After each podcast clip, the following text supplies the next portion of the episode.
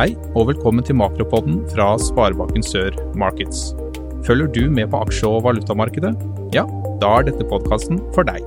Her får du et overblikk over hva som skjer rundt i verden, hvorfor det skjer, og hvilke konsekvenser det har.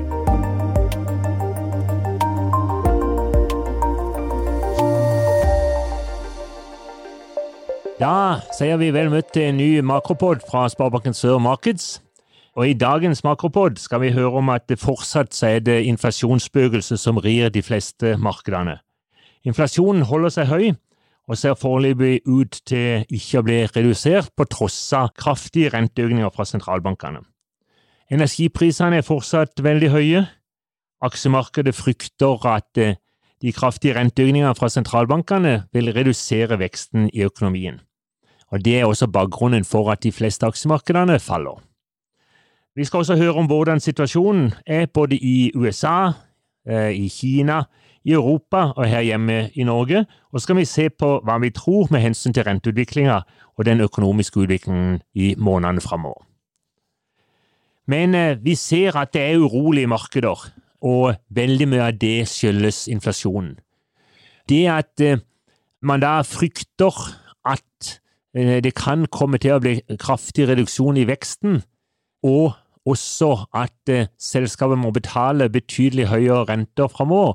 Det er det som da gjør at eh, de fleste børsene faller ganske kraftig. Ikke minst så gjelder dette disse teknologiselskapene, for eksempel, som skal tjene penger om eh, syv, åtte, ti år.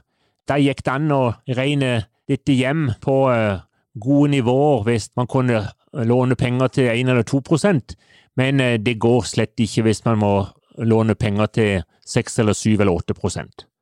Så vi har sett at eh, det er vel nesten bare ett eneste marked som holder seg som noenlunde, og det er Norge. Og det skyldes at eh, vi også er olje- og energitung på mange av selskapene på børsen.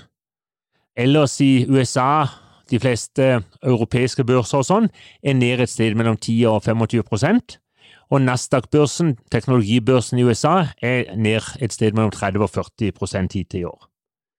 Vi ser at det er fortsatt høye energipriser, høye priser på strøm, høye rekordpriser på naturgass, høye priser på olje, og også høye priser både på stål og aluminium. Og så ser vi også at matvareprisene fortsatt stiger rundt om i hele verden. Det som også gjør eh, en del Eh, inputer som da er viktig å ha bak øret, det er at denne nullsmittestrategien i Kina det kan få mange forskjellige og kanskje også litt uventa implikasjoner. Det at de, eh, det da er nullsmittestrategi, eh, og som gjør at man stenger ned hele byer, det kan jo plutselig føre til at det blir mindre etterspørsel etter olje, og det blir mindre etterspørsel etter gass, som kan dempe litt av den biten og gjøre det lettere på den måten. Men så ser vi også at da blir det også mindre etterspørsel etter varer og tjenester, noe som også vil kunne gjøre at verdensøkonomien kan komme nærmere en negativ vekst, altså en resesjon. Hvis vi nettopp eh, dveler litt med Kina, og sånn, så ser vi at det er fortsatt veldig stor usikkerhet om utviklinga i kinesisk økonomi. Prognosene er stadig vekk nedrevidert. Vi har jo vært vant til å ha en prognose på 6% på kinesisk økonomi. Det er nesten uansett hvordan verden går, så, så leverer Kina ca. 6 eh, Nå er, er prognosene helt ned i neste null. 0,4 er de siste oppdaterte prognosene på veksten. Og Da ser vi også at eh, industriproduksjonen blir klart lavere enn forventa. Detaljhandelen er over halvert nå. Og eh, med den fortsatte nulltoleransen for korona som man har, så er det klart at da kan vekstsituasjonen bli veldig, veldig dramatisk. Og så har vi det som kanskje overskygger det meste i kinesisk økonomi, er at misligholdsraten skyter i været. Den eh, er fordobla i forhold til i fjor, og jo, kinesisk økonomi har jo strevd med mye mislighold de siste tre-fire årene, men eh, ser ut til bare å nesten øke på. Lån til eiendomsbransjen er ekstremt høy, 26 av alle lån, og 20% av kinesiske eiendomsutviklingsselskaper er tilnærmet insolvente, altså det vil si at de er nummer før at de går konkurs. Hvis vi eh, drar til den andre sida av verden, hadde jeg nær sagt, til USA, så ser vi jo da at eh, der har vi jo en veldig sterk økonomi i øyeblikket. Det skapes mye nye arbeidsplasser. Ledigheten er nede på ca. 3,5% altså veldig stramt. Det tilsvarer omtrent en uh, arbeidsledighet uh, her i Norge på sånn 1,6-1,7, altså. Sånn at det, det, er full sysselsetting fullstendig i USA også, og det er stor etterspørsel etter kvalifisert arbeidskraft. Og vi tror også at de nærmeste ukene og, og månedene så kan vi fortsatt falle noe videre på ledigheten, og det blir dermed press for høyere lønn og risiko for høyere lønnsvekst. Det ser vi også klare tendenser til. Og så er det som overskygger alt, det er inflasjon. Inflasjonen så egentlig ut til å flate litt ut i juli, for når vi fikk julitallene, så så vi at inflasjonen falt en del fra juni. og Derfor så var det veldig stor spenning, og mange trodde jo at nå hadde sentralbanken fått kontroll på inflasjonen, sånn at nå vil det begynne å, tikke greit nedover. Så kom augusttallene for to dager siden nå, her midt i september, og så var det eh, høyere enn forventa. Vi hadde en eh, KPI på 8,3% Det var riktignok 0,2% lavere enn i juli, men man hadde forventa betydelig mer. Og det som var kanskje mest dramatisk og mest skuffende, var at kjerneinflasjonen, altså core-inflasjonen, den var gått opp fra juli. Den var nå oppe på 6,3% og klart høyere enn forventa.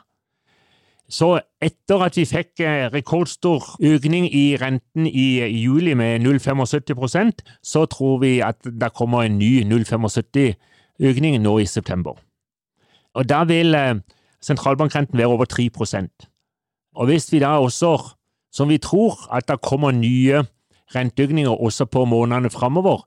I USA så tror jeg at eh, vi veldig fort vil se firetallet eh, før eh, vi tar juleferie. Kanskje et sted mellom fire og fire og en halv fra sentralbanken. Og da, i løpet av ti måneder, så har vi da gått fra null til et sted mellom fire og fire og en halv prosent. Så det er relativt dramatisk. Og så er jo egentlig det store spørsmålet om da disse kraftige og raske rentehevingene, om det vil kvele veksten om krigen og de sterkt stigende mat- og energiprisene, om det vil redusere forbruket så mye at veksten avtar raskt. Det vil være det store spørsmålet i ukene og månedene framover.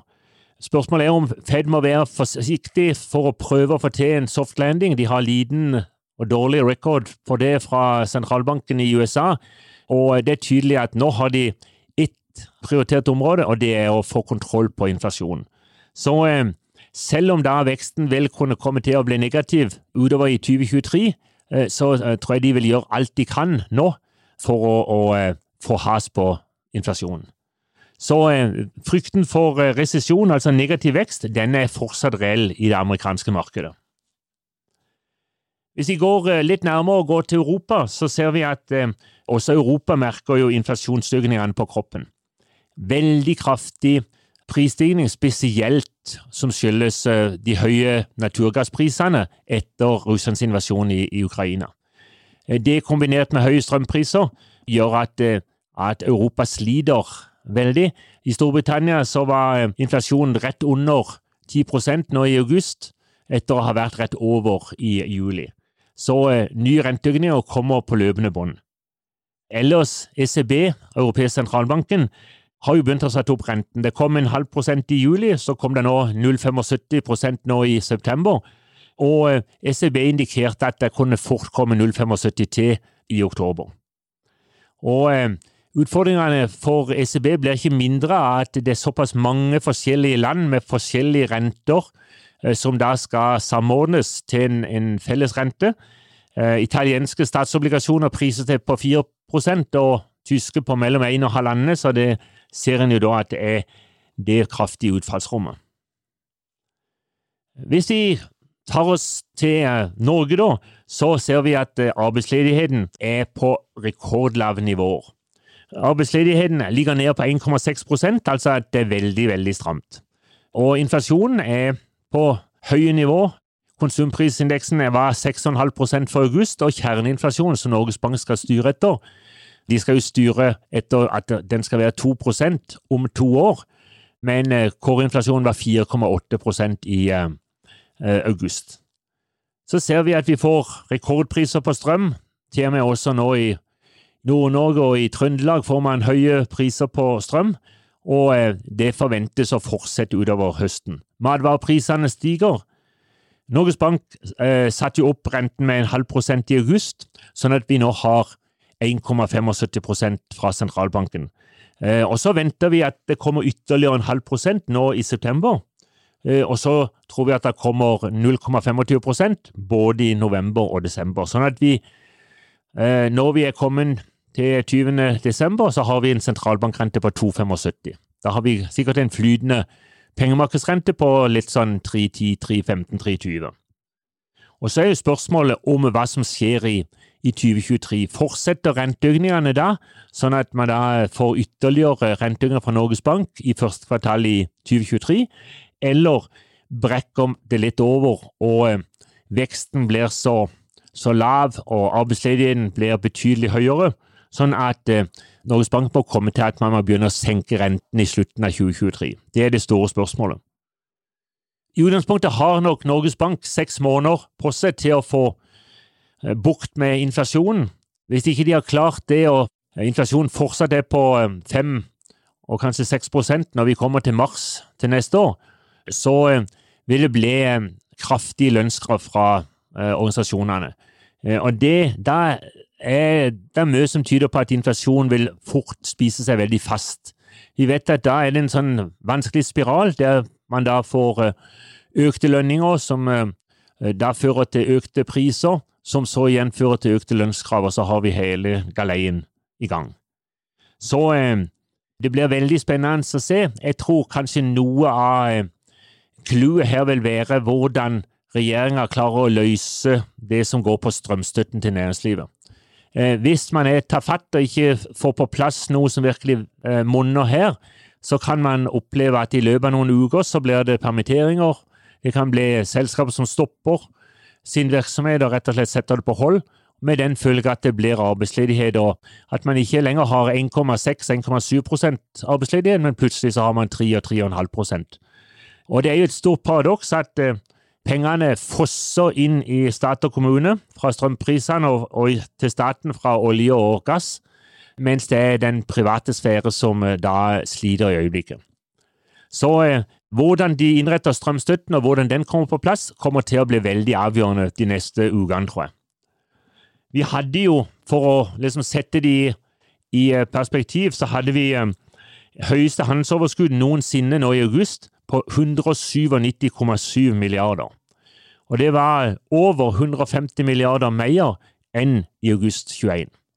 Så det er klart at 150 eh, milliarder ekstra som følge av de høye prisene, det er ikke så rart at EU eh, e at det ville være betimelig å si at man satte noen, noen makspriser på gassen.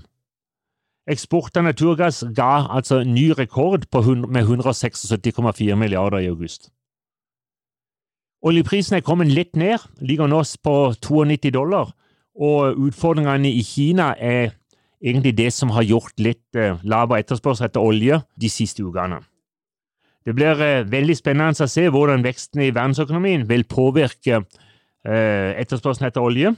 EU kjemper jo en intens kamp for å frikoble Eh, naturgass- og strømmarkedet. Og dessuten så ønsker man å innføre en makspris på både strøm og gass for både sine innbyggere og sitt næringsliv. Hvis vi ser på de lange rentene, så har de kommet litt ned i de siste par ukene. Fem års sikring er nå på 3,57, Tiårssikringen er på 3,49, og pengemarkedsrenten, altså tre måneders Nibo, ligger på 2,76 så forventer man som sagt eh, kraftige renteøkninger i USA for å prøve å ta knekken på inflasjonen, og her hjemme så forventer vi tre nye renteøkninger i inneværende år. Eh, nå opp med 0,5 nå i, eh, i 23. september, og så i en kvarting i både november og desember. Det betyr at vi veldig fort kommer til å få sett 3 på tremånedersnivå før årsskiftet. Og hvordan renteutviklingen vil være de neste kvartalene tror jeg vil komme til å være veldig avhengig av stramheten i arbeidsmarkedet, hvordan inflasjonen utvikler seg, om man da begynner å få grep på at den begynner å tikke i riktig retning, altså nedover, eh, så vil mye ha å si om man klarer å løse det før lønnsveksten blir for stor, og hvordan dette vil slå ut i forbruket. Så eh, er jo da bakteppet selvfølgelig fortsatt Russlands invasjon i Ukraina. Og da er spørsmålet vil veksten stoppe opp, eller får vi en myk landing? Eller går vi rett og slett rett over i negativ vekstresesjon? vekst resesjon? Eh, spørs om ikke Europa fort kan komme til å komme i resesjon. Eh, USA kan også komme det, og så får vi håpe at, eh, at Norge unngår det. Det var stort sett det vi hadde i, i makropodden. I dag har vi hørt om at eh, fortsatt så er det inflasjonsspøkelset som rir de fleste markedene. At inflasjonen holder seg høy og så foreløpig ikke ut til å bli redusert på tross av de kraftige renteøkningene som kommer fra sentralbankene. Energiprisene er fortsatt veldig høye. Aksjemarkedet frykter at de kraftige renteøkningene vil redusere veksten i økonomien. Og så hørte vi også om hvordan situasjonen er både i USA, i Kina, i Europa og her hjemme i Norge, og så så vi på hva vi tror med hensyn til renteutviklingen og den økonomiske utviklingen framover. Det var alt fra Sparebanken Sørs Markets i denne omgang. Da sier vi takk for oss og håper at du hører på Makropodden også neste måned. Takk for oss. Du lytter nettopp til Makropodden fra Sparebanken Sør Markets. Hver måned vil vi gi deg innsikt i hva som skjer i verden, samt hvordan det påvirker økonomien vår. Flere episoder finner du på sol.no slash makro.